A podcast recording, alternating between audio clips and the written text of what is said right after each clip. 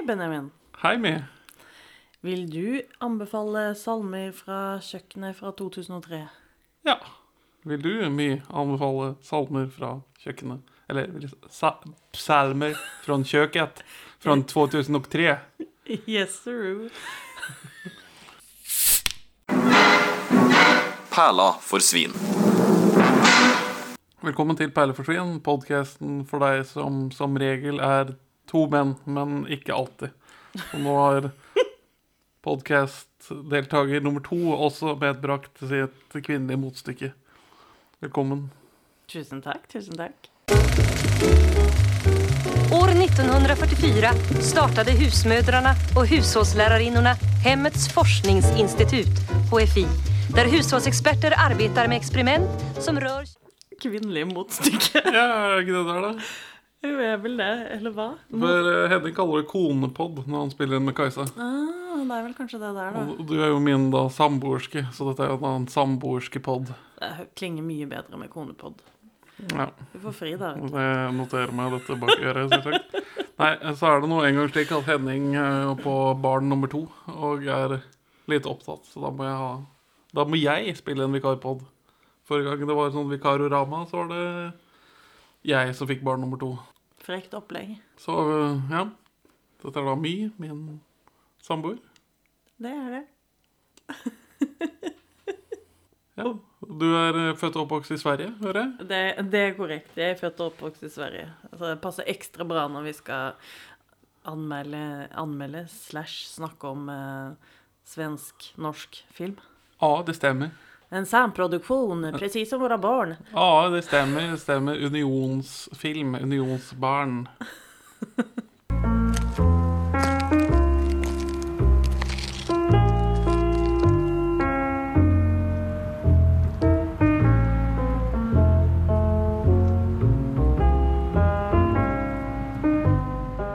Unnskyld, Henning, som hører på nå, at, vi, at jeg ødelegger for ditt, eh, ditt planlagte Bent Hamer slash Varg Veum-sommer, eller noe annet. Og begynner litt tidlig på Bent Hamer sine produksjoner. Det var jo en gang så at jeg og Henning egentlig skulle ha sett Bent Hamer sin Eggs på Cinemateket. Men jeg glemte å føre det opp i kalenderen min, så Henning møtte opp alene, og så kom aldri Sjokk og vantro. Ja. Sånn er jeg å ha podkast med. Sånn går nå dagene. Men ja, det blir ikke Varg Veum sommer. Det blir eh, Eller hva, hva heter han? Eh, Bent Hamer. Bent Hamer sommer. Det blir eh, Ja, for, eh, Bent Hamer stikkprøve oktober. ja, for eh, Henning hadde en sånn psykose, det hva var det han kalte det? Eh, en annen norsk re- regissør, Elling Sommer. Eh, Ja, vi så filmene fra én norsk regissør, noen av filmene fra en norsk regissør, og Elling-filmene sammen. Uten at de har noe tematisk med hverandre å gjøre. Så jeg mistenker at det er egentlig noe sånt han har lyst til å gjøre med Bent Hamer, siden han har og spart Bent Hamer i Men er det Bent Hamer som har regissert denne? Altså? Det, det er korrekt. Dette er en av Bent Hamer sine filmer. Da, da henger det på greip at du snakker om han. Bent Hamer jeg, jeg sparer å gå sånn i dybden på Bent Hamer til, til Henning. jeg. Da tror jeg han blir glad. Hva han har laget mer og sånt. For jeg må jo Ja, at jeg blir veldig nysgjerrig. Ja, men, Men det, la oss snakke om denne filmen, da. han har jo ja, han har masse filmer han har kjent av. for Eggs, Samme på kjøkkenet, O. Horten, Hjem til jul. Hjem til jul er vel kanskje det eneste jeg har hørt om. Har du hørt om Hjem til jul? Oi, det ser dårlig ut, altså. Men det er noe sånt. uh, hans første kortfilm fra 1988 så er uh, svensktitlet. Hyggelig, syns jeg. What the fuck? Hva er den svenske tittelen, da? Den døende draken. En svensk kortfilm fra 1988. Men er han sorsk? Eh, Nei, nei, nei men det, det er samme Han samarbeider med samme fyr der, så er han Jørgen Bergmerk. For denne filmen, da, den Sanden fra kjøkkenet, har et manus av Bent Hamer, så jeg i rulleteksten der, men at altså, det, Så det er han som er main credit på manus, Okay. men manusmedvirkende er da Jørg, Jørgen Bergmerk. Jørgen. Jørgen Bergmerk. Ja, det, det er fint, det. Men det er jo litt interessant, da, for det hadde jeg ikke fått med meg før. Selv om det er jo Og, litt det var sånn. og når var det fra? Det er 1988. Så det er ganske Det var da de har likt hverandre lenge, på en måte. Draken ble bygd av Anders Molin. Jeg elsker hvordan du sa her eh, Jeg venta med å gå i dybden. dybden. Ja, men uh, Og så klarte du ikke å dy deg, fordi jeg ble det, nysgjerrig. det, det virker som en artsy-fartsy søt liten kortfilm på syv minutter. øh, som man sikkert burde snakke om på et eller annet tidspunkt. Det blir fint å se den på et tidspunkt, da. Ja, ja. Vi får, Ja, den kjennes litt slak tykker jeg. denne Jørgen Bærmark han er markert i rødt på norsk Wikipedia. Så vi må gå over på den svenske Wikipedia for vi skal få vite noe om han. Og han er da i hovedsak kreditert som regissør. Mens her har han da en tertiær rolle, men det er jo helt klart en eller annen svensk hånd med i filmen. Det vil jeg si. Det ikke dette, Det, det virker som et sånt uh, svenskt kvalitetshåndverk.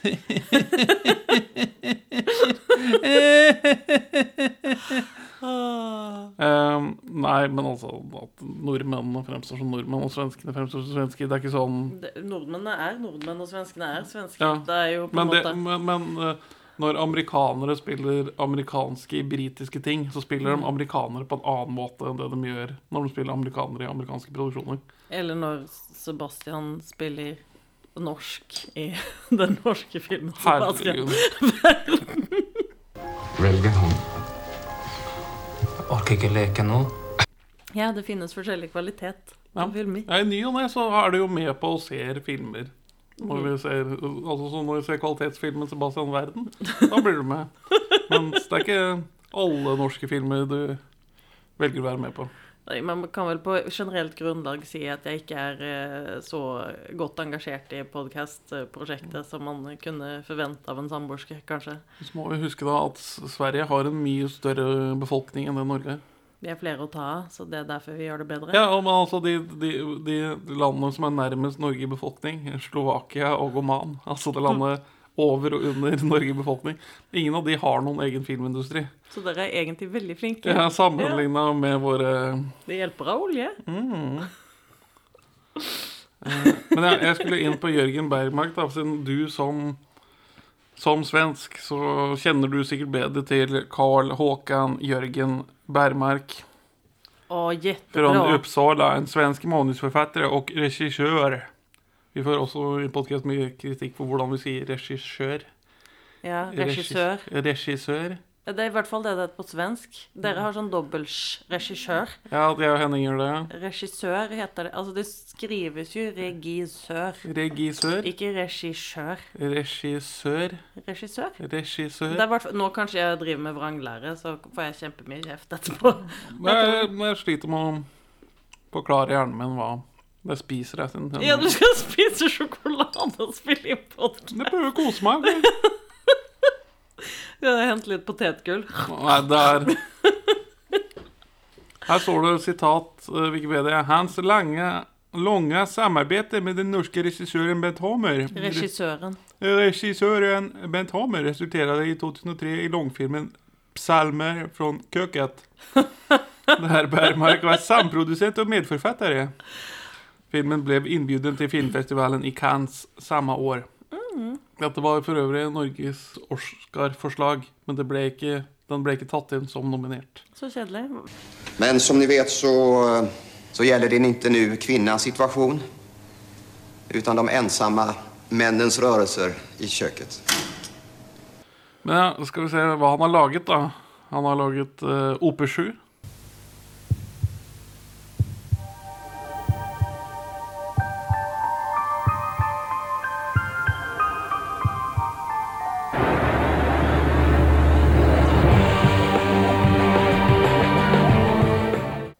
En TV-serie. Jørgen. Ja. Oi, han jobber på Rederiet. Ja, den svenske Rederiet. Den blir jo remaka i Norge, da, så det er masse sånn overlapp her. Rederiet. Det blir litt som Hotell Ja, ja, ja. Cæsar-tilsvarigheten. Ja, men vi har, vi har det i Norge. For i Men jeg har hørt om Hotell Cæsar. Så har jeg aldri hørt om det norske rederiet. Så det er på en måte nei, nei men det, har man har hørt om det svenske Hotel Cæsar, da? Nei! De lager jo en svensk remake av Hotel Cæsar som ikke tar av. Når starta de å lage den? For jeg vedder at jeg hadde flytta fra Sverige da. Nei, nei, dette er 2000 øh, Ja, den svenske versjonen, Hotell Seger, ble dog ikke like oh, populær. Hotel Seger har jeg hørt om, tror jeg. Flett. den erstatter til Venner og fiender. Og vises på hverdagskvelder åren 2000 til 2001. Hva sa du, 2000 og 2000 til 2001. Ja, da bodde jeg definitivt i Sverige. Dette. Men da hadde jeg ikke TV. Nei. Jeg så ikke så mye på Kanal 5 på kvelden. Jeg og- fikk ikke med deg noen av disse 170 ikke fullt så populære avsnittene. Det er korrekt. Det er et forslag til meg og Henning til senere. Vi kan se, vi kan se de første 170 episodene av Norsk her, og så kan vi se de første 170 Jeg svenske. jeg syns Henning og Kajsa kan gjøre det, jeg. Ja, det syns jeg òg, for så vidt. Men hvorfor åpner han ikke, da? Ja, så, Han er mest i TV, virker det som her. Og så regisserer er, er jobber han med Sjette dagen. Sjette dagen. Mm, 2000. Er det en film? Nei, det er en uh, drama, thriller, science fiction. Hmm. På fire sesonger. Ikke hørt om, tror jeg. Sjette dagen. Men jeg er jo som regel ikke så veldig populærvitenskapelig opplyst. I sentrum så det mystiska mordet på Felicia Ekeblad, hvilket inträffade i början av serien. Felicia Ekeblad. Og Det høres ut som en sånn referanse man har kommet over i svenske humorserier. Sjette dagen. Ja. Så er det Brotsvåg. Så kommer filmen En kjærlighetsaffære, tror jeg. Nei. Skjepsholmen. Høk. Se TV-serien Hook. Åh. Ja, det er bare masse sånn ganske kjedelig krim, ser det ut som. Og tre år av Beck. Ja. Og det, men det er jo gøy, for den her er jo noe helt annet enn Ja. krim. Må man jo øh, lugnt påstå, som Ja. man sier på svensk. Dette er jo en dramakomedie. En svart komedie. Litt sånn Litt svart, i hvert fall. Hör du mig? Mitt navn er Sixten Malmberg. Jeg representerer de svenske observatørene. Kom ut så får vi tale igjennom saken åtminstone. Hallo! Hadde vi kalt den komedie? Ja, det, Tenker vi at det er en komedie? Ifølge um, svensk Wikipedia, sa han? Ja, da er det det. Altså, jeg skjønner hva de mener, men øh, ja, det er liksom artsy-fartsy humor, da. På en måte. Jeg har jo Ja. sånn fordommer mot all humor, så jeg tror at hvis det er humor, så er det kjedelig. Og siden jeg liker den her, så kan det jo ikke være en komedie. Ja, norsk Wikipedia kaller det for svart komedie.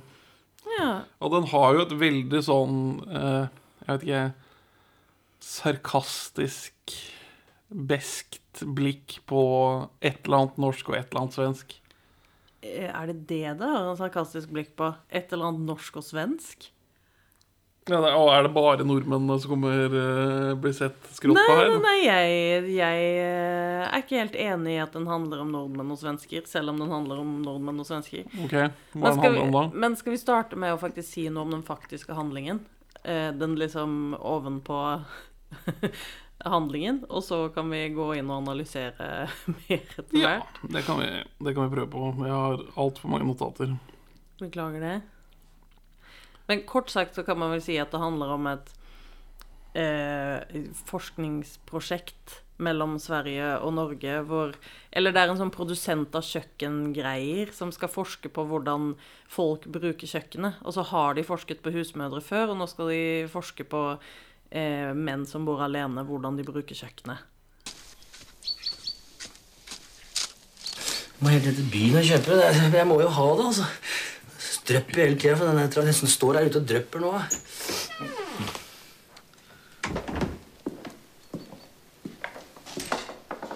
Det virker å være en offisielt svenskelig statlig liksom, initiativ. Ja. Hemmets forskningsinstitutt, eller HFI, som starter opp i 1944. Som jeg mener er da filmens første vits. Så at det starta i 1944. Hvorfor er det en vits? Ja, fordi altså i, i Norge så er vi er, er, Det er liksom året eh, man begynner den virkelig aggressive motstandskampen mot okkupasjonsmakten som en del av det større andre verdenskrig. I Sverige begynner man å forske på Det er greit. hvordan organisere hjemmet. Liksom Hvordan husmødre beveger seg på kjøkkenet. Ja. Ja, det er greit. Åh. Og så er det vel en eller annen sånn metavits, da, for vi starter jo på å se på en film laget av dette svenske forskningsinstituttet. Mm. Og så ryker den filmen. Jeg vet ikke hva det liksom skal Symbolisere. Men ja, målet har da vært å lage bedre produkter og gjøre hjemmet mer effektivt. da. Ja, poenget var at husmødre ikke skulle være nødt til å gå like langt i løpet av et år på kjøkkenet. De har en sånn vits at uh, husmødrene skal slippe å gå til Kongo for å lage middag i løpet av et år. De skal bare gå til Nord-Italia. Og det er mye bedre, da. Uh, For å effektivisere kjøkkenet på den måten. Ja. Men nå skal de altså forske på enslige menn. Og det skal de gjøre i Finland og Norge. ja. Jeg, jeg, jeg skjønner ikke helt hvorfor det. Det er vel noe med hvordan Altså, jeg tenker jo at husmødre At de ser for seg at husmødre som har familie og fôrer en familie, bruker kjøkkenet på en annen måte enn menn som bor alene og bare har seg sjøl. Hvorfor forsker man ikke på enslige svenske menn? Det er veldig uklart. Kanskje for at man skal Altså, her, dette er jo her vi diskuterer hva den egentlig handler om. Men det er, det er jo Jeg tenker det er et eller annet med sånn faglig distanse, og det skal Ja. ikke være for nært, og det skal være sånn De, har en sånn, de sier at de har sånn positivistisk forskningsmetode. Hva betyr, man, hva betyr det? Man skal bare være observatør, da. Man skal ikke blande seg med subjekten, subjektene, eller sånn de som man forsker på. Man skal ikke Man, man observerer utenifra, man er ikke en deltaker. Det er ikke en deltakende forskning, sånn som antropologer eh, gjør, liksom. Nei. Utan de skal være de skal være objektive, sant? De skal være helt objektive når de ser på den andre, og ikke blande seg, da. Um, Hva, hva heter sånn Kvantefysikk. Jeg, jeg opplevde, opplevde at det var, var noe sånn kvantefysikk Det ble alludert til noe kvantefysikk-humor inni her. kan du utvikle det? Kan jeg utvide det, kanskje? Ja, er det det man sier på norsk? Ja. Um, Si mer om det. ja, ok. Uh, nei, at uh, han eh, Nå hopper jeg litt i handlingen her, men han som blir observert i denne filmen, Ja. han klager på at Eller han forklarer at 'jeg gjør ikke ting mens jeg blir observert'. Og det er noe sånn at uh, i kvantefysikken, når man ser på liksom, de virkelige små byggestenene av atomer og deres, så oppfører jo de seg annerledes. Altså de blir påvirket kun det av det å bli observert, så du kan ikke observere de Ja, og det kan man jo tolke til eh, kvantefysikken eller til all forskning. Altså, jeg føler jo at det er en kommentar til at det er Altså, hva er objektiv forskning? Hvordan Altså, hvordan kan forskere være objektive og eh, forskningssubjekter være upåvirket av å være forsket på? Og hvordan kontamineres forskningsresultatene av at man forsker på noe? Og så handler den ikke bare om det i det hele tatt, men jeg tenker at det er et jeg som er litt opptatt av forskning, da, er litt opptatt av det aspektet ved filmen og syns at det er eh, spennende aspekt ved det, da.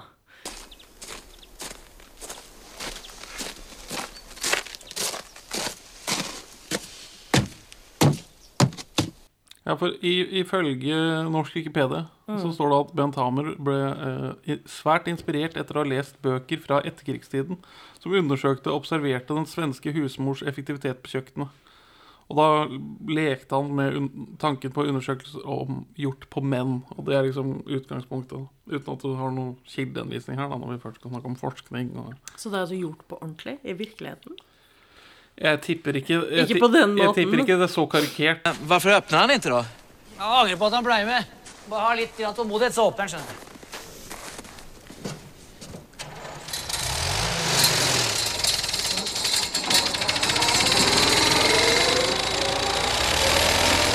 Den var utsolgt på Pribisak!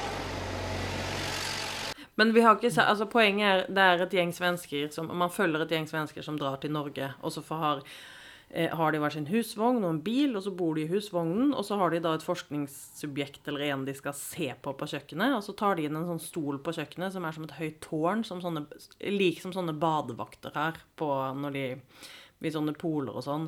Og så skal de sitte der og være stille og observere mannen som bor alene i heimen, da. Eh, uten å blande seg i det som skjer. Ja. Og det, det er vel på en måte omrisset, og det, og det er vel Ja, det føles veldig karikert. Eh, ekstremt. Eh, Så denne filmen ryker, og så klipper vi til to norske teknikere som sier at filmen bare er noe fæsjens svenske dritt. Og så får vi en mer artsy-fartsy sånn sekvens hvor det er svensk, gamle svenske Volvoer som kjører med sånne mm, egg-campingvogner bakpå, merket med dette Jeg gikk, litt fort, HFI. jeg gikk litt fort fram, skjønner jeg. Ja, jeg, jeg, jeg ville bare ha med den starten, jeg. Ja, men det er jo den, den og der i starten så har de også en sånn klipp fra den svenske jævler, og så ser, er det en sånn shot hvor man ser på en måte grensa, da, men den er filmet fra bakken, og så er det tre på be trær på begge sider, og så man ser liksom veien, og så er det et par føtter da, som går fram og tilbake foran kamera, og så ser man de bilene nærme seg da, og bytte, bytte side fra venstre til høyre. Og det filmer de jo ovenifra, så det blir veldig sånn Ja, for film, Nå blir det mange digresjoner her, da, men det, det er litt uklart når, helt presis når filmen foregår. Men den foregår da i hvert fall før 1967. For eh, Sverige Ja. har um, venstrekjøring. Men etter 1944. Et, ja, etter 1947 til det seneste. Fordi Ja. Volvoene vi kjører, de kjører, er PV 444, eller PV 444, som er produsert mellom 1947 og 1958. Så mellom 1947 og 1966, i den 20-årsperioden der, på en måte Men, eh, men det at det virker til å være litt ut på 60-tallet. Ja, jeg hører du sier det. Jeg tenker liksom ja, Med det 50. ja, men det kommer jo opp da, denne diskusjonen om høyrekjøring. Og så virker det til at krigen begynner å bli en god del på avstand. For han, den norske hovedrollen snakker jo litt om hva faren hans og sånt gjorde under krigen. Og det, det virker, altså gitt alderen hans, så Ja. tror jeg ikke det er så Tror jeg det begynner å bli noen år siden faren hans var rundt. Ja, jeg er enig. Du har rett. Det er nok sikkert eh, sånn 1965 eller sånn like før de skifter, da. Men så vi får et fint sånn bilde av denne overgangen da, fra å kjøre til Sverige til Norge, hvor man må bytte over til høyrekjøring, og så er det et sånt skilt hvor det står på flere språk. Og, bare, Eh, og så er vi da tilbake i eh, Dette viser at nå er vi i Norge, og dette svenske forskningsinstituttet skal presentere hvordan de arbeider for noen norske samarbeidspartnere. Men jeg, jeg tror det er forskningssubjektene, altså de som skal bli forska på, at de har et foredrag. Å ja, var var det noen gamle gubber der? Jeg så ikke det. Det satt jo bare masse menn i ikke-dress, da. Mens de alle forskning, forskerne Ja. hadde dress, sant, og sånne svarte, blanke sko. Mens de som ble forsket på, hadde sånn Jeg holdt på å si bondeklær, men han ene har jo sånn Ja, det, han er, blir jo ikke forska på, men en av karakterene som ikke er forskere, går, går rundt sånn bo- bondeoverall, hva heter det på norsk? Bondedress Altså sånn eh, Eh, kjeledress. kjeledress, liksom. Og kjøre traktor. Det er liksom ikke forskeren, da. Karikert. I den sekvensen her så er jeg så opp, opphengt i lysbildene de har av den tidligere forskningen. OK. Ja, for det, det, den, de har en sånn figur av det, dette svenske kjøkkenet som eh, de, disse husmødrene har brukt. Og den måten de har beveget seg på ettersom svenskene har tilpassa hvor ting er plassert i kjøkkenet. For det er jo ikke en figur over kjøkkenet. Det er jo en, det er jo en sirkel hvor de har skrevet forskjellige deler av kjøkkenet rundt om på sirkelen. Og hvordan man går mellom de punktene, hvor ofte man gjør det. Det er jo ikke faktisk en modell av kjøkkenet, for det er jo en sirkel. Det er jo et diagram av eh, Det står liksom komfyren og vasken, eksempel. Og- så tegner de strekk derimellom, jo tjukkere strekkene er, desto flere ganger har de gått. Men alle kjøkken de har forska på, er jo ikke like. Oh, nei, men det, det, det er jo det de jobber Jeg ser for meg at de jobber for. Da, Gjøre kjøkkenet med tiden like. Og at dette er resultatet de har kommet frem til. Er helt uenig. Dette er et diagram. Du er et diagram. Det- Mora di er et diagram. Og det er en eller annen vits om min mor. Men, eh, men det er jo ikke kjøkkenet de viser. Det er jo inget kjøkken Nei, som er sirkelformet. Nei, men når- når, vi ser på måten han tegner opp bevegelse på observasjonen observasjonene han gjør, så er det, det de samme type sånn Ja, han har det. Det, det Enkeltkjøkkenet er jo altså det, han, som, han forskeren som vi følger, han har en modell av kjøkkenet som han faktisk forsker på. Men når de skal kvantifisere det i en i et diagram så har de laget en sirkel hvor de skriver 'komfyr' på ett sted på den sirkelen. Og så får den liksom ett strekk eller én millimeter tjukkere strekk for hver gang det er gått der. Basert på de forskjellige forskningssubjektene, da. Ja, men jeg, nei, jeg, jeg tror dette er det tilpassa kjøkkenet. Altså, Du har feil. Ja, det er greit. Veldig rart diagram. Vi får uh, be lytterne se Hva på slags type diagram er det der? Det er et sirkeldiagram. Det er bare en, en det er en det er akkurat sånn som man gjør i sånn sosiometrisk diagram, så bruker man akkurat det samme. Hilsen Jeg beklager at jeg, jeg har mer utdanning enn deg på dette, men det er et diagram. Jeg mobber, jeg mobber alltid Henning for at han er arbeiderklasse og jeg er akademiker. Og han mobber alltid meg for at jeg, eh, han, jeg er akademiker. Men eh, du er jo familiens mest utdannede. Jeg var det en gang i tiden, i hvert fall. Så undrar jag om jag kanske kunde få byta värld. Men det er et diagram. Det er samme type diagram man bruker. Har du sett sånn sosiometri? Nei. Et sosiometrisk diagram, det er når man skal se hvordan eh, f.eks. for eksempel barn i en barneklasse forholder seg til hverandre sosialt, og så drar man strekk mellom barna. Det har ikke noe å gjøre med liksom Geografien. geografien i klasserommet. Det er et form for diagram. Jeg beklager dette. Så det er kvantitetsmessig Ja, ok, Ja. greit. Det er en kvantitativ fremstilling av bevegelser i kjøkkenet som ikke har med de faktiske formene på kjøkkenene å gjøre. Ja, det er så rart at vi ikke ser dem gjøre noe kvantitativ eh, observasjon. Men man bare gjør jo ikke kvantitative observasjoner, man gjør enkeltobservasjoner, og så sammenstiller man dataene til kvantitive data. Ja, ja, altså hver sitter hver datapunkt er jo et enkelt datapunkt. Og så må man jo Det fascinerer meg at du ikke skjønner det her, baby. Nå, jeg, vet, jeg, vil ikke, jeg vil ikke spille podcast med deg lenger. Åh, jeg beklager det.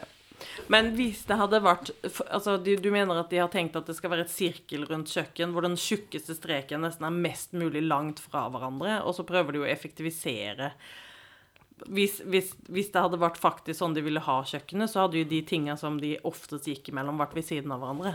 Å, nei, nei, men de, de, man, man prøver jo å lage et, uh, altså, et system hvor ting går opp i opp, da. Altså, du fortsetter å argumentere for din uh, Nei, nei, jeg, jeg gir opp livet. Men vi får be lytterne se på filmen og komme med innspill til hvorvidt det er en modell av kjøkkenet eller et diagram. Jeg, jeg må jeg, jeg, har så, jeg har ikke så mye sånn forsk, praktisk forskningsfag.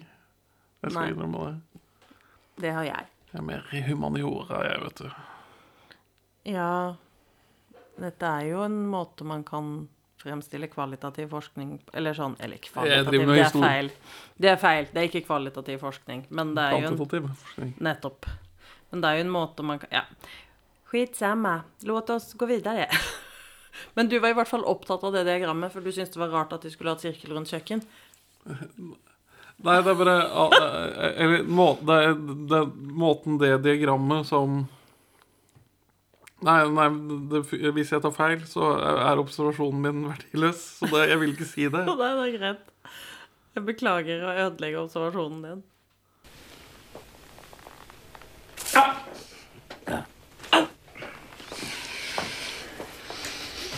Men det som skjer etter det, er jo at han For vi følger en av forskerne, og han heter Folke. Ja. Det tar veldig tid før vi får vite at han heter Folke. Ja, det tar lang tid før vi får vite at han heter Folke, men det er Han mye er bare lettere. en navnløs eh, svensk grå fyr. Mann i dress. Som- Grå svensk type. Ja, som da har fått tildelt et forskningsobjekt som har angra seg, og ikke slipper han inn i huset en sitt. vert. Ja, vert er det det de kaller det. Ja. En vert. Som er, det, det er sånn, og det er vel også noe humorgreie. Altså noe sånn mørk humor på det at man eh, bytter navn på forskjellige roller for å endre innholdet i det. Du, og du har, du har bare forskeren på besøk. Ikke sant? Du er ikke Du er ikke maktløs og eh, underdanig til dette masse Eller sånn, ja. Det blir jo litt vel, kanskje. ja, For man vil jo vekk fra begrepet prøvekanin. Ja. Og da har man, eh, kaller man det vert. Ja. Og så Ja, men det er For, men, og, og, og så er det og De har Og så får vi vite senere da, at eh, de i bytte mot å delta i dette, skal de få en dalahest. mm. En, en, dala, en dalahest, er det en, er det en konkret hesterase? Nei. Det er Eller ikke som jeg vet om, i hvert fall. Jeg har bare hørt om eh, eh, den svenske dalahesten. Den Som- pyntedalahesten, liksom. Det er jo kjent shout-out til tidlige Olsenbanden-filmer hvor eh, Egon Olsen alltid har spikka seg noen dalahester mens han har vært i fengsel. Mm. Nei, det er, det er, ja, for det, det er en norsk hesterase, dølahest. Ja, nettopp. Og han Ja, men dette kommer jo veldig mye lengre seinere i filmen, holdt jeg på å si. Men det er jo fordi han har angra seg, da, for uh, verten. Ja, Så han slipper ikke inn folket. Det er mye lettere om vi kaller ham folket, selv om han egentlig er navnløs foreløpig. ja det, det, er folket, folket, vår svenske observatør. Uh, ja, slipper ikke inn observatørene, og det er en stor greie i starten. Og, men så viser det seg i slutten av filmen, eller ikke slutt, men sånn andre halvdel av filmen, så spør jo folket eh, han andre som jeg har verten, hva er det han heter? Og jeg, eh, Isak Ja, folket spør Isak ja, men hvorfor, hvorfor meldte du deg på, da? Og han bare Dere sa at vi skulle få en sånn dølahest. Så bare mm. Hjertebra.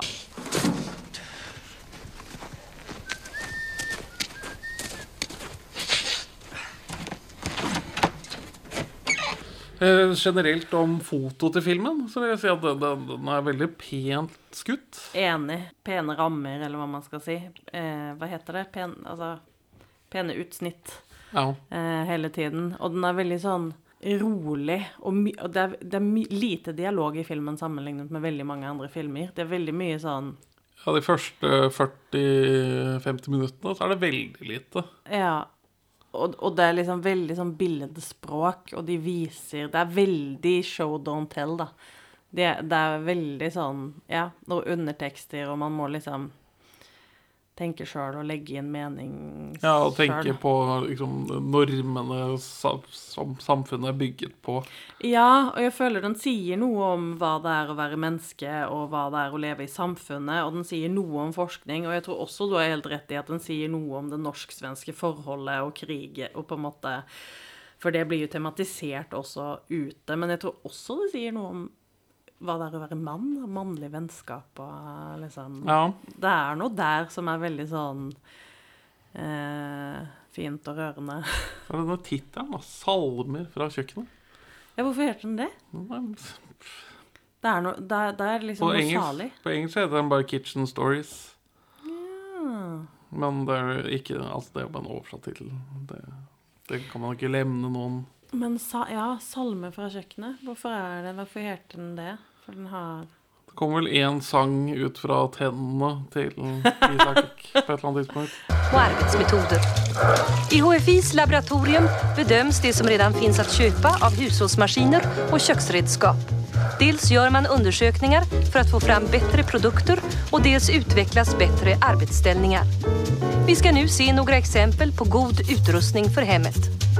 Potatisskalaren er av herdet knivstål. Den er dobbel. Ja.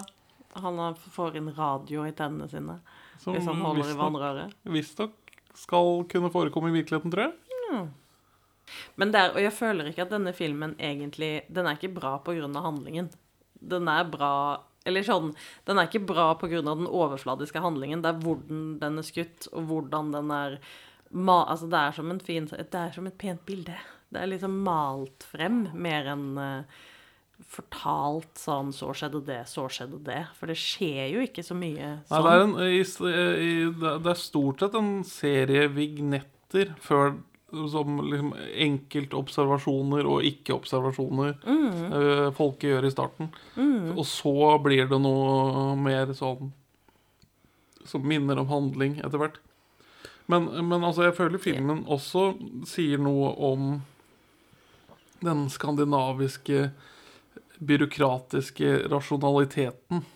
Altså hvor man, man prøver å sette verden i rammer. Ja, ja, men det er jo der jeg, det er det jeg tenker er forskning. Men jeg er helt enig i at det er byråkrati, og framfor alt svensk byråkrati. Altså, det finnes jo ingen så firkanta som svenskene, holdt jeg på å si. Og det syns jeg er veldig De er jo også veldig firkanta, og de er veldig, han sjefen da, er veldig opptatt av at disse observatørene får ikke lov å snakke. Med subjektene, og så sitter de liksom to menn alene på det kjøkkenet, time ut og time inn i ukevis, og man bare skjer? Og planen for å effektivisere kjøkkenene til enslige menn Altså Den første incel-filmen, det her. For Eh, nei, nei, det er vel Taxi Driver. Når jeg tenker meg om Da, da, da. Den første skandinaviske incel-filmen. Spørsmålstegn, Spørsmålstegn, spørsmålstegn. Veldig lite incel over de gutta der, da. De er ikke så ja, bitre ja. på kvinner, liksom. Nei, de, de, er, de har funnet seg i sine ensomme roller. Ja, de Ja, det føles som at de Denne filmen passerer ikke Bechdel-testen. Det er null kvinner med, tror jeg. Et muligvis Jo, vi ser en kvinne, hun på flyet.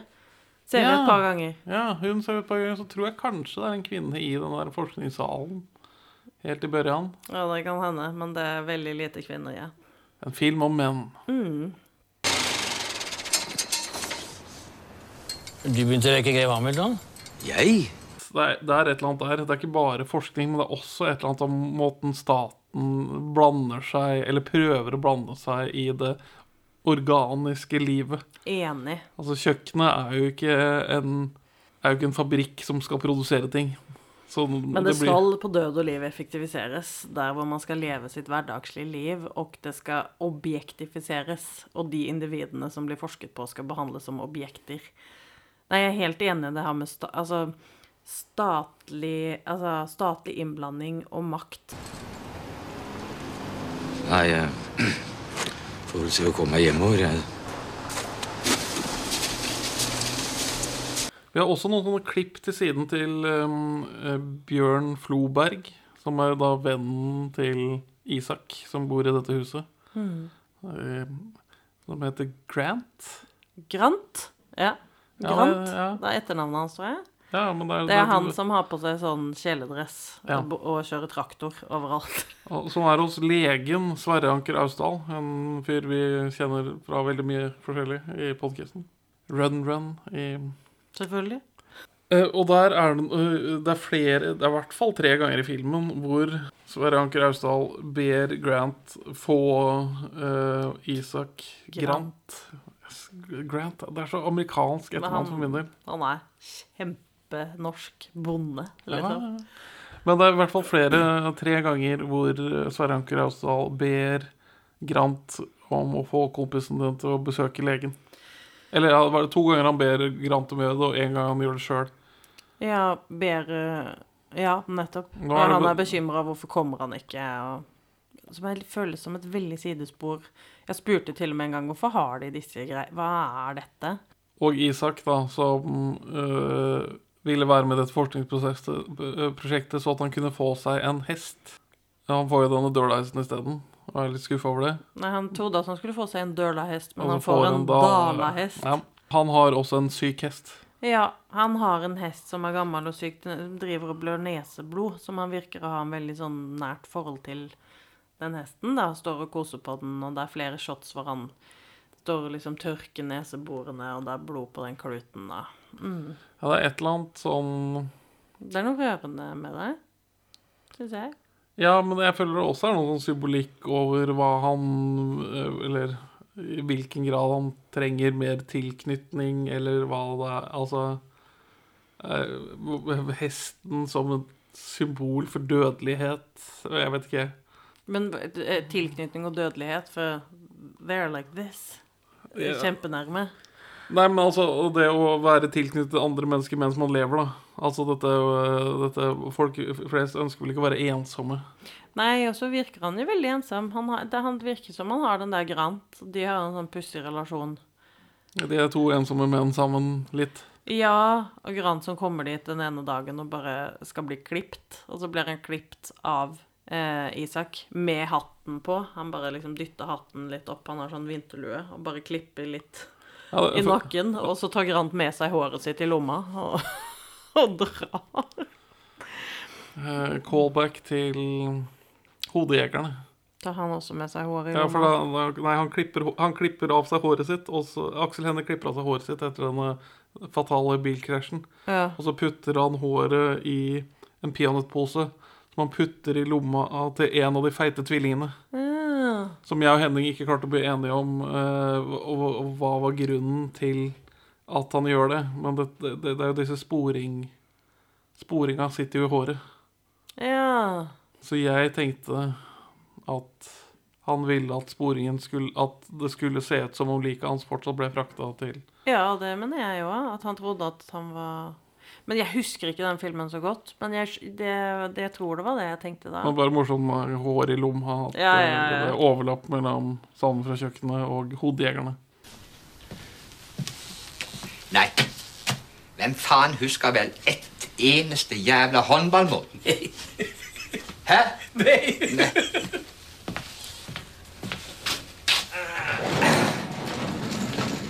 Hele starten, altså Først så nekter han å slippe inn folket. I, altså, verten nekter å slippe inn observatøren. Og så etter hvert så slipper han han inn. Han bare går ut en morgen og gjør noe, og så lukker han ikke døra ordentlig. Og da kommer på en måte folk inn på kjøkkenet. Men i starten så driver han jo bare og dropper å være på kjøkkenet. Ja. Og eh, skru eh, Ja. Jeg bare ikke er på kjøkkenet. Han begynner jo å lage maten til den oppe på soverommet. Ja, ja, han har sånn. Ja, og så de har noen shots oppe fra soverommet hvor det er liksom fullt med sånn forskjellige flasker og bokser med mat og greier. Og han lager også et hull i gulvet over kjøkkenet der hvor observatøren sitter, så at verten, altså forskningssubjektet, observerer observatøren gjennom gulvet, som føles som en sånn metakommentar Ja, det er jo det. på uh, Who watches the watchman? ja, på en måte, men også, også det her med at man ikke Og jeg blir jo opptatt av dette. Jeg var jo på et sånt filmanalysekurs en gang for veldig, veldig lenge siden, da jeg var sånn 13, eller noe sånt. Og da fikk jeg lære meg at hvis man spoler helt til midten av en film, altså helt sånn på minuttet midten, så kan man eh, finne noe om kjernebudskapet i filmen. I midten eh, der. Og når eh, vi kom til eh, et sted i filmen hvor jeg opplevde at det var et kjernebudskap, så sa jeg 'stopp filmen', og da var det akkurat på Det var, midten. det var helt rett midt på. Jeg klipper igjen det som blir sagt. der her. Det er midt i natten. Ja, du hamnade i knipa, Ja, og Tore. Tor. Ja, min verd. så vi er helt torrlagda. Det är inte så att du har lite brännvin vi skulle kunna få låna. Nej, Irene, du vet vi får inte dricka på jobbet. Ja. Vi får inte dricka, vi får inte prata, vi får inte det, vi får inte det, vi får inte det. Vad fan, Folke. Vad är det vi håller på med? Va? Vi sitter där på våra piedestaler och tror att vi förstår allt. Hur kan man tro att man förstår någonting överhuvudtaget om folk bara genom att observera dem? Jo, men det är det jobbet går ut på. Ja, man måste ju prata med varann. Va? Man måste prata. Jo, visst, Har du men... inte en pilsner då? Nej, undersökningen bygger på en positivistisk metod. Ja, all forskning på institutet grundar sig på... Positivistisk. Du, jag har bestämt mig. Jag slutar. Det är det mest positivistiska jag kan göra. Han gir uttrykk for at dette er bare tull. Vi kan ikke lære noe om verden gjennom å sitte på den høye stolen der og se på folk. Altså, vi påvirker hverandre, vi må snakke sammen. Dette er ikke riktig måte å leve på. Altså, han sier ikke leve på, men han veldig opptatt, blir veldig sånn engasjert, da. Ja, her har den svenske sjefen tidligere vært på besøk og sagt at eh, en av eh, disse observatørene, Gren Green? Ja, Gren, ja, med to Green. ener. Grant og Green. Grant og Green. Eh, What does it all mean? Ta över efter Gren och ordna upp situationen. Uh, hva heter det, da?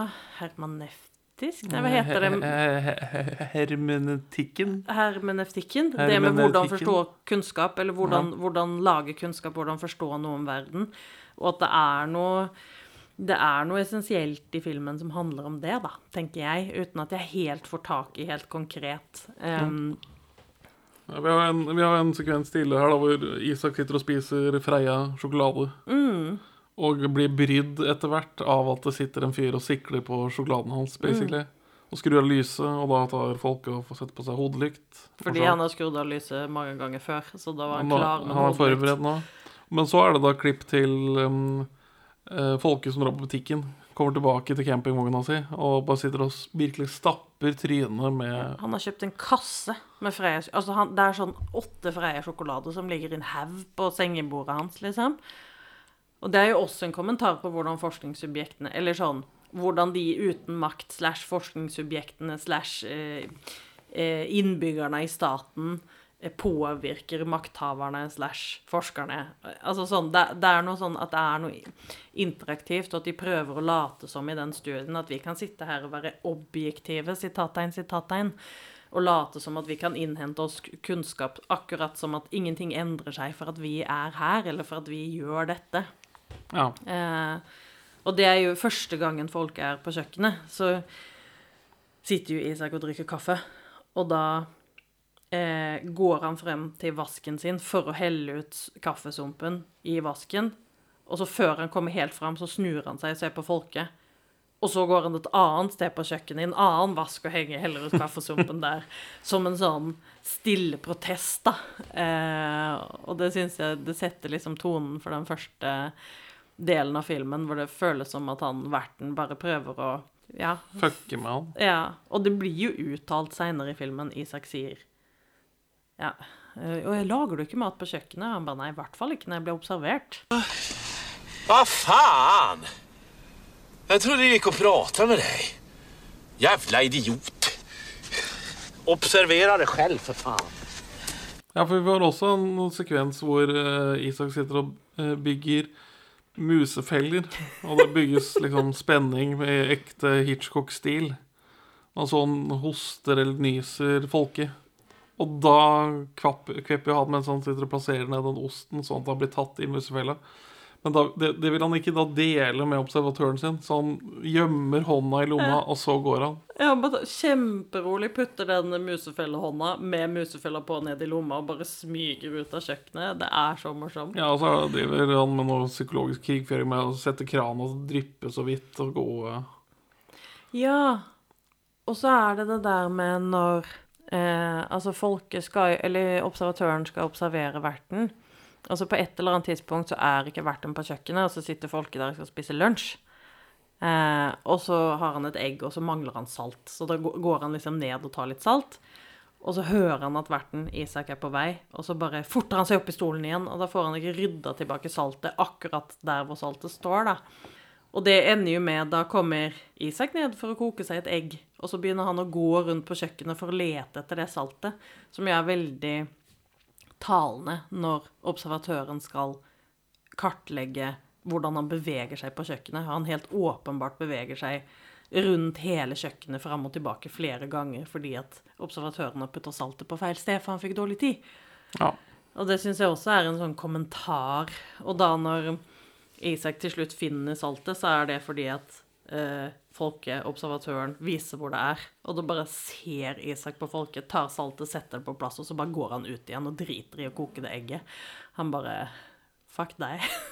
Ja, det, han, han, han ser litt skamfull ut der han peker på saltets posisjon. Folket? Mm. Folket er et veldig rart navn. Det er jeg ikke enig i. Spurte Oskar hvorfor han alltid holdt bukkølen to minutter på fem. Ja. så svarte Oskar den blir fort fem, vet du. Ja, jeg gjør jo det. Ja. Vendepunktet i filmen er vel en gang folket observerer at Isak er tom for pipetobakk. Og han får et brudd i sin daglige rutine hvor han ser veldig sånn ynkelig ut. Og da kaster han ned sin egen pipetobakk. Fra den høye Baywatch-stolen sin, holdt jeg på å si. Herregud. Og da sier Isak, går Isak og henter en kaffekopp. Og sier nå, nå må du ta deg en kopp kaffe. Det er liksom, det, isen er brutt da, mellom disse Men, men, eh, men folk går jo ned fra den stolen og tar Står ved bordet uten å se på Isak og bare dytter i seg den kaffen og går opp og Åh, men jeg har lyst til å kommentere noe annet også. Og det er det her med at han ser så utrolig keitete ut når han klatrer opp og ned i den stolen, og jeg lurer på om det er med vilje. Det er så utrolig det er nok med vilje. og, og, og så får jeg en sånn idé om For i starten av filmen så driver de og står på sånn stiger eh, utenfor Før verten har eh, Ja, da vi prøver å få kontakt med Når vi prøver å få kontakt med verten. Er det Og da har de en sånn shot på sjefens svarte sko, som er veldig sånn blanke og fine sånne dressesko. Og så er det konsekvent Folke. Han er uten sko i sånne groe, små tragiske sokker og driver og klatrer opp og ned i den stolen.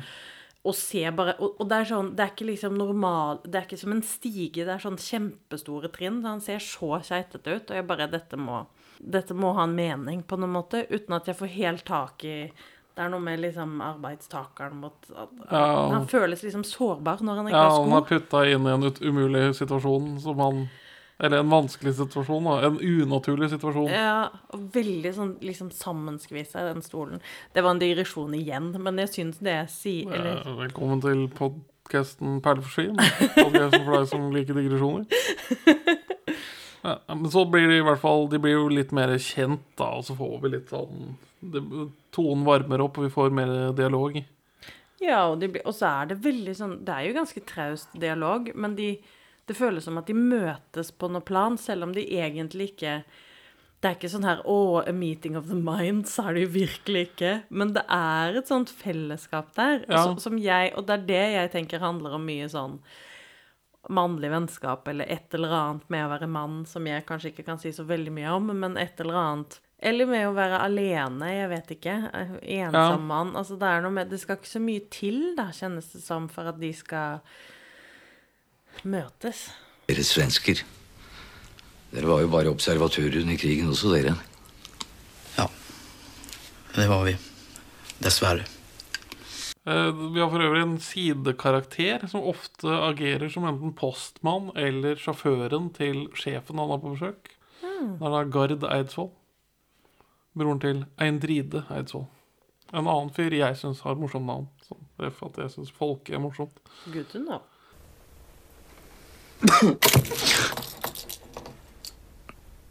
Så er det masse sånne typisk sånne, litt sånn artsy-farty-filmer da, med sånne repetisjoner uten at vi forklares nødvendigvis hva innholdet i de er. da. Men sånn som når telefonen ringer, så betyr det telefo uh, Telefonen ringer, og så står Isak og bare ser på den, og så slutter den. Ja, om den slutter etter tre ring, Ja. er det jeg har trukket ut av Ja, det, ja. så betyr det at uh, han eh, Grant kommer på kaffe.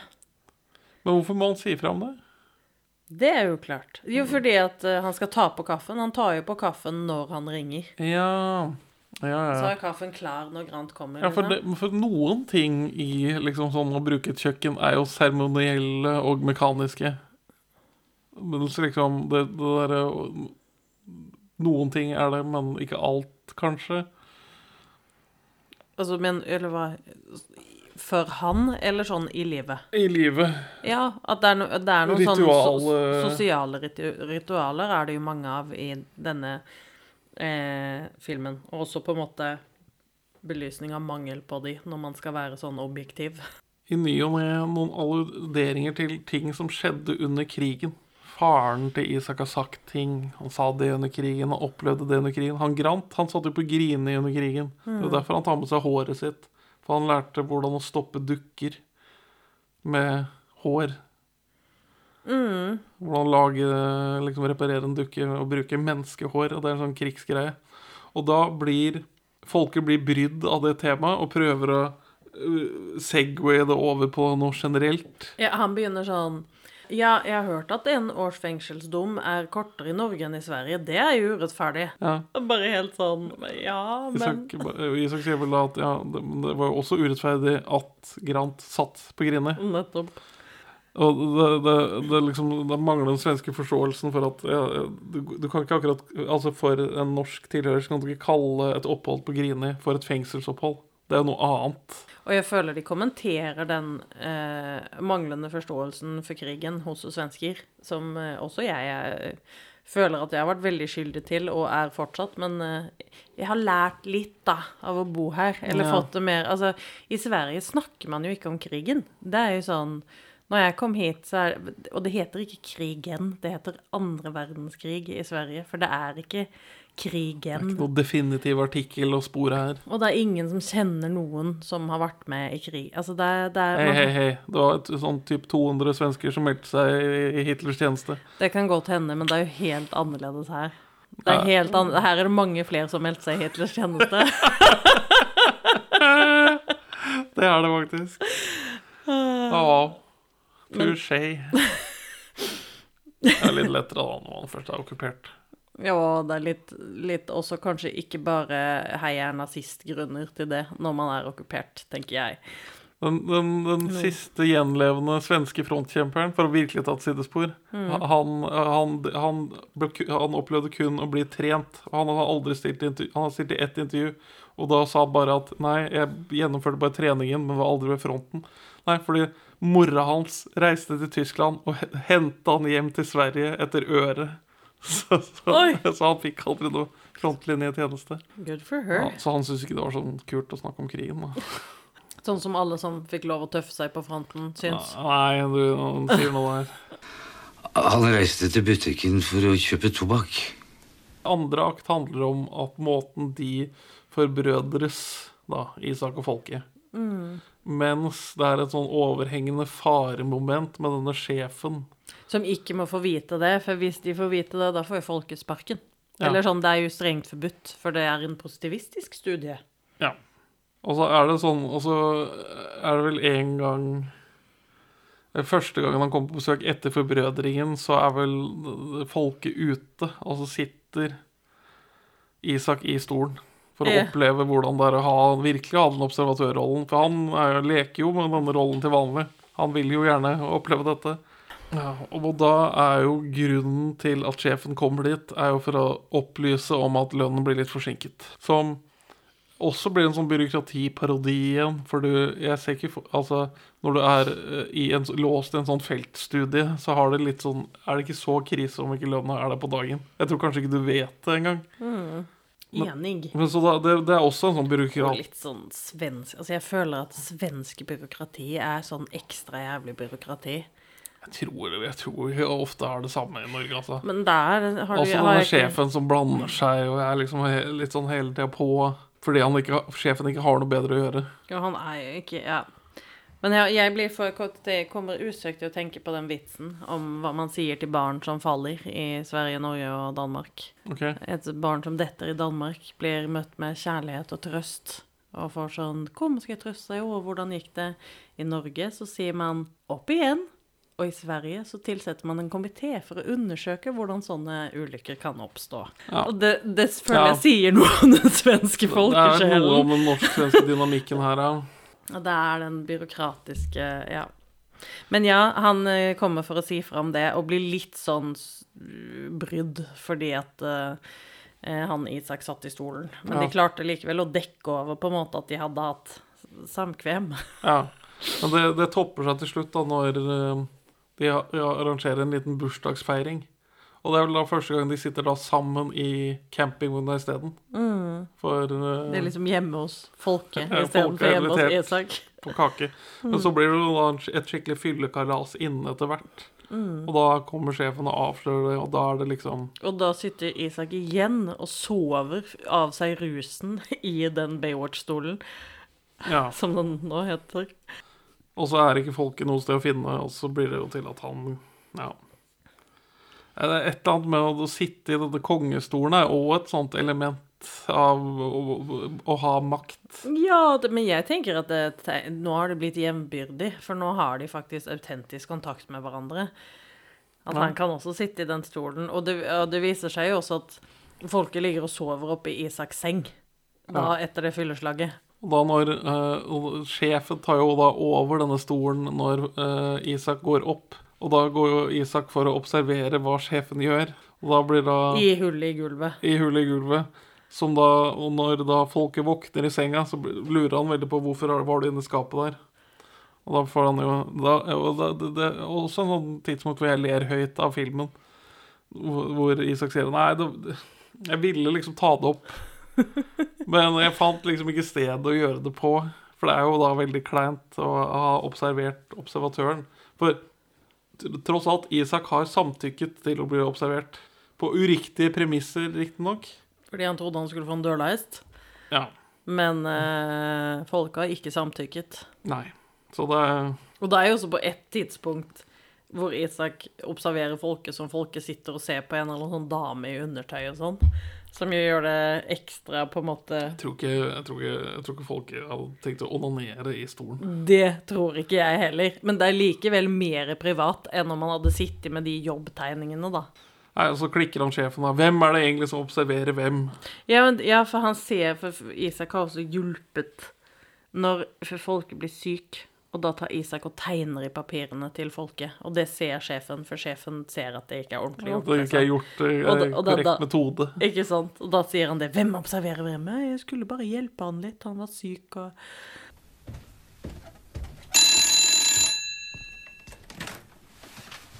Eh, Grant, Bjørn Floberg, prøver også å drepe folket på et tidspunkt. Ja, men det er jo Altså, Grant og eh, Isak, sånn som jeg skjønner det, de har liksom en vennskap og, som er veldig etablert, og Grant kommer ofte dit. Og så ser man jo Grant noen ganger komme og kikke inn gjennom, inn gjennom kjøkkenvinduet, mens Isak sitter og snakker med denne observatøren istedenfor. Og at jeg syns det er veldig tydelig at han er sjalu, da. Ja. Eh, og da plutselig midt i natten så kommer han og tar eh, husvogna og kjøre mens folket sover i den, og kjøre den og sette den på togsporet. ja. Og som er en payoff til en give-out Grant, Grant gir tidligere om at Mm. noen tidligere har blitt påkjørt av toget her. Men eh, ja, det er vel voldsomt så sjalu han er, da. Ja, jeg skal liksom sette han på togsporet, og så opp ser Isak det og går og henter eh, husvogna igjen på natta uten at øh, Altså som jeg skjønner det, uten at folk eh, merker det. Men de har jo noen sånn menende blikk dagen etterpå, for da får man se Isak stå med den hesten igjen som har dratt eh, husvogna, og som står og blør i nesa. Og... Nei, ikke så lenge jeg ble observert, i hvert fall. Men det, det skjønner jo ikke dere svensker. Dere var jo bare observatører under krigen også, dere. Det er vel her da hvor de Nå har de bare gitt opp. Altså Folket får sparken uansett, så de begynner å planlegge å feire jul sammen. Mm. For de har blitt såpass nærme. Da får vi da vite om alle de tingene som blir spist til den svenske jul. Sild, Janssons frestelse, griseføtter, juleskinke, lutefisk, dopp i gryta, og så grønnkål, rødkål og brunkål.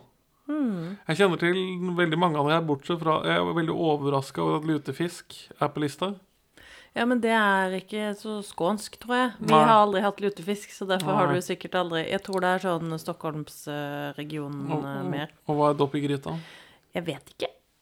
Jeg vet ikke hva det er. Jeg har aldri spist det i virkeligheten. Okay, okay. Men, og han sier jo det også, folket, at det er jo ikke Det er jo mest i Norrland, og ikke så mye sørover.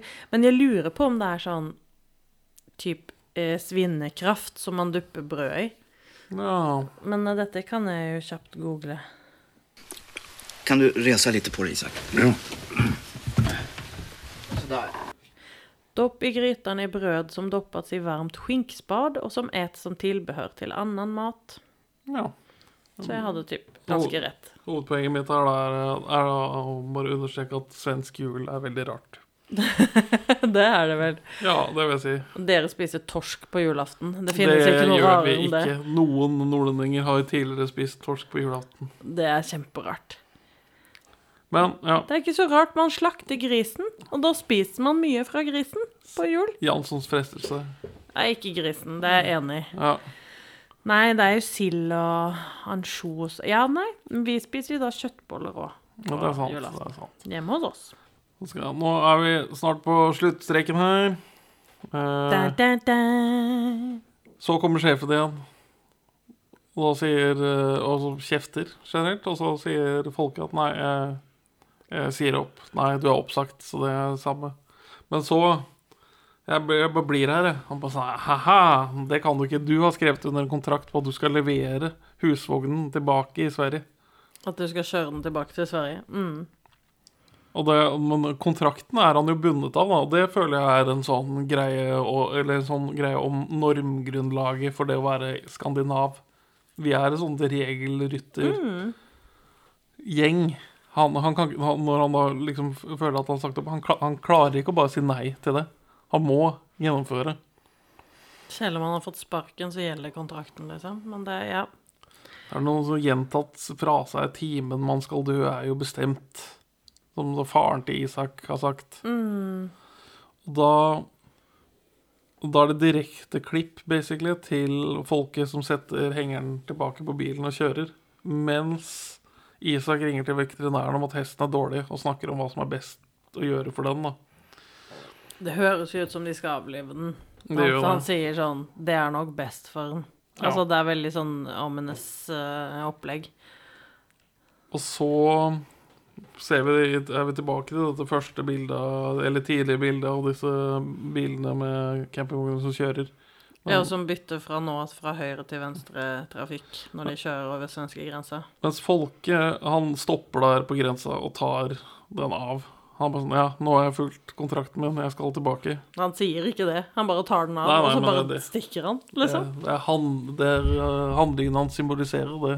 Ja, jeg er helt enig, men jeg syns også det er et poeng at sjefen bare Folk, svar, da! Og han bare ignor... Altså, han bare I am fucking down with you. Ja, og så er det dette byråkratiet vi har. Vi har, vi har, glemt å snakke om Malmberg og dette flyet. Ja, men det For, for de driver jo og forsker i Norge og de driver og forsker i Finland, og så er det en fyr som driver flyr imellom de Men den historien syns jeg er litt meningsløs. Det handler noe om eh, makt, i hvert fall. Makt og byråkrati og plikt. Og higher ups. Ja. Og at man kommer unna med greier, og på en måte Ja, det er noe der. Ja, for der får vi sånn litt sånn greie på sånn Å ja, her er, i disse notatene vi får fra folket, her er det noe gull. Ja, det, han, ja, for det er på slutten, den plotten som vi har glemt å snakke om, der han øverste sjefen, som skal være så veldig god forsker, han, han eh, ser på de papirene fra folket og bare Wow, dette var bra. Som, og så får man ikke vite noe mer, da. Så det er jo Så filmen sier egentlig at for å lære noe, så må vi snakke med hverandre. Er det det som er filmens tese? Nei. Og så kommer da Eller Grant kommer Vi får se Grant komme inn da etter at folket har dratt. Og så klipp til folket som kommer. Og så- Nei, det er jo Grant kommer inn i, til Isak, og så ser han Isak sitte Isak har satt en, en lenestol Der- i hjørnet der hvor Baywatch-stolen, som den heter, eh, pleide å sitte. Og så sitter han liksom dulla inn i et teppe der og sover, da. Tror man. Ja. Og så er det klipp til at eh, hest, vi, folket kommer mens hesten blir henta. Mm. Og så vel panorerer vel kameraet over til at vi ser at det står en sykebil Mm. utafor, og Grant står utafor, og Grant kommer ut og ser liksom med sånn trist blikk på folket. Og da skjønner alle at Isak har dødd. Selv om Ja. Og så er det klipp til at det er sommer. Folket bor i huset. Han står og ser på telefonen og ringer tre ganger. Og så setter han på kaffe. Mm. Og så er filmen over. Mm. For har folket ved å observere lært hvordan man skal leve som ensom mann? Mm, Jeg tror han har lært hvordan man skal leve med livsglede. At det er det han får ut av sin relasjon til Isak? Ja, eller jeg vet ikke. Det er et Ja, jeg får ikke helt Det er noe med rollebytte. Det er noe med Det er noe med at han sier opp denne maktposisjonen da, som det er å observere, og heller hvis han kan velge mellom makt og leve det ekte livet, sitattegn, så, så velger han det ekte livet med ekte mennesker, og liksom frasier seg denne forskningsgjennombruddet som vi jo skjønner at han har hatt når den lederen på en måte sier noe fantastisk om han og fra... Altså, ja, nei, det er noe sånn Jeg føler det er noe filosofisk inni der. Ja, men litt vanskelig å gripe om. Ja, men hele filmen er litt vanskelig å gripe om. Den er litt vag, samtidig Man får en. Det er en sånn stemningsfilm. Ja, veldig deilig. Det er kanskje litt for porno for podcastens lyttere. Ja, beklager det. Um, ja, nei, den, den er fin. Altså, jeg, jeg blir sånn Jeg er veldig nostalgisk for det kjøkkenet i det hele tatt. Ja, det, at det er sånn Gamlet-kjøkken? Ja, ja, jeg, får- jeg får lyst til å være der. og Bare sånn, å, dette er å, så deilig sammenligna med forbrukersamfunnet vi bor i nå. Mm. Ja, og det føles jo som en kommentar på det òg. Altså fordi at målet med at folk var der, var effektivisering, som liksom er en del av kapitalismen. Ja. I det kap kapitalismens essens. Og så velger han bort det, og bare blir værende i den bobla med Ja, et helt rom full med pepper, som vi ikke har nevnt.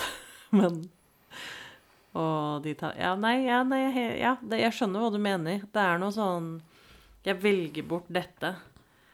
Jeg velger bort disse maktstrukturene og dette tullet som bare er sånn Ikke handler om livet. Og så blir jeg værende i dette som Ja, er mer ekte, da, føles det som. Mhm. Nilsson, hva faen er han? Har han slutt på tobakk igjen? Nei, han eh, var her jo akkurat. Så, hvorfor vil du anbefale Psalmer fra kjøkkenet fra eh, 2003? Hvorfor? Denne delen har jeg ikke hørt av podkasten før. Eh, nei, jeg syns, er, jeg syns den er uh, fengende. Og den får en til å tenke og føle noe uten at det liksom Og det jeg syns er deilig, er at den ikke er så veldig eh, opp i trynet. Altså, den er ikke så veldig direkte på det den prøver å fortelle, uten man må tenke litt sjøl. Ja. Og eh, Benjamin, hvorfor har du lyst til å anbefale 'Salme fra kjøkkenet' fra 2003? Nei, den, den er eh, Det er en veldig snedig og søt liten artsy-fartsy film som sier et eller annet om hvordan det er å være skandinav på et eller annet snedig vis. Den, den, ja, den uh, Ja. Bent og hans uh, venn, venn Jørgen Bergmerk, var det det? De, de, de har klart å fange den svensk-norske folkesjela på et eller annet veldig evokativt sett. Enig. Så ha det bra, da, My. Ha det bra da, Benjamin. Takk for at du hører på Perler for svin. Du finner oss først og fremst på perleforsvin.no, men også på Twitter under perler-for-svin, Facebook som perleforsvinpod, eller du kan maile oss på perleforsvinpod at gmail.com. Gi oss gjerne en eh, rating i din lokale podcast-avspiller, og, og legg igjen en beskrivelse, så folk skjønner hva det er for noe tull vi egentlig driver med. Her er ukas Pål Bang-Hansen-sitat ute av kontekst. En aldeles utmattende film, proppfull av skremselseffekter. Menneskeofring, vodo, slanger, biller, handling, handling, handling i et eneste jag. Denne gang med et indisk tempel som bakgrunn for all skrekk og gru. Syns du den er bra? Ja eller nei? Syns du den er bra? Ja eller nei? Og så bare går dere gjennom eh, handlingen minutt for minutt. Ja.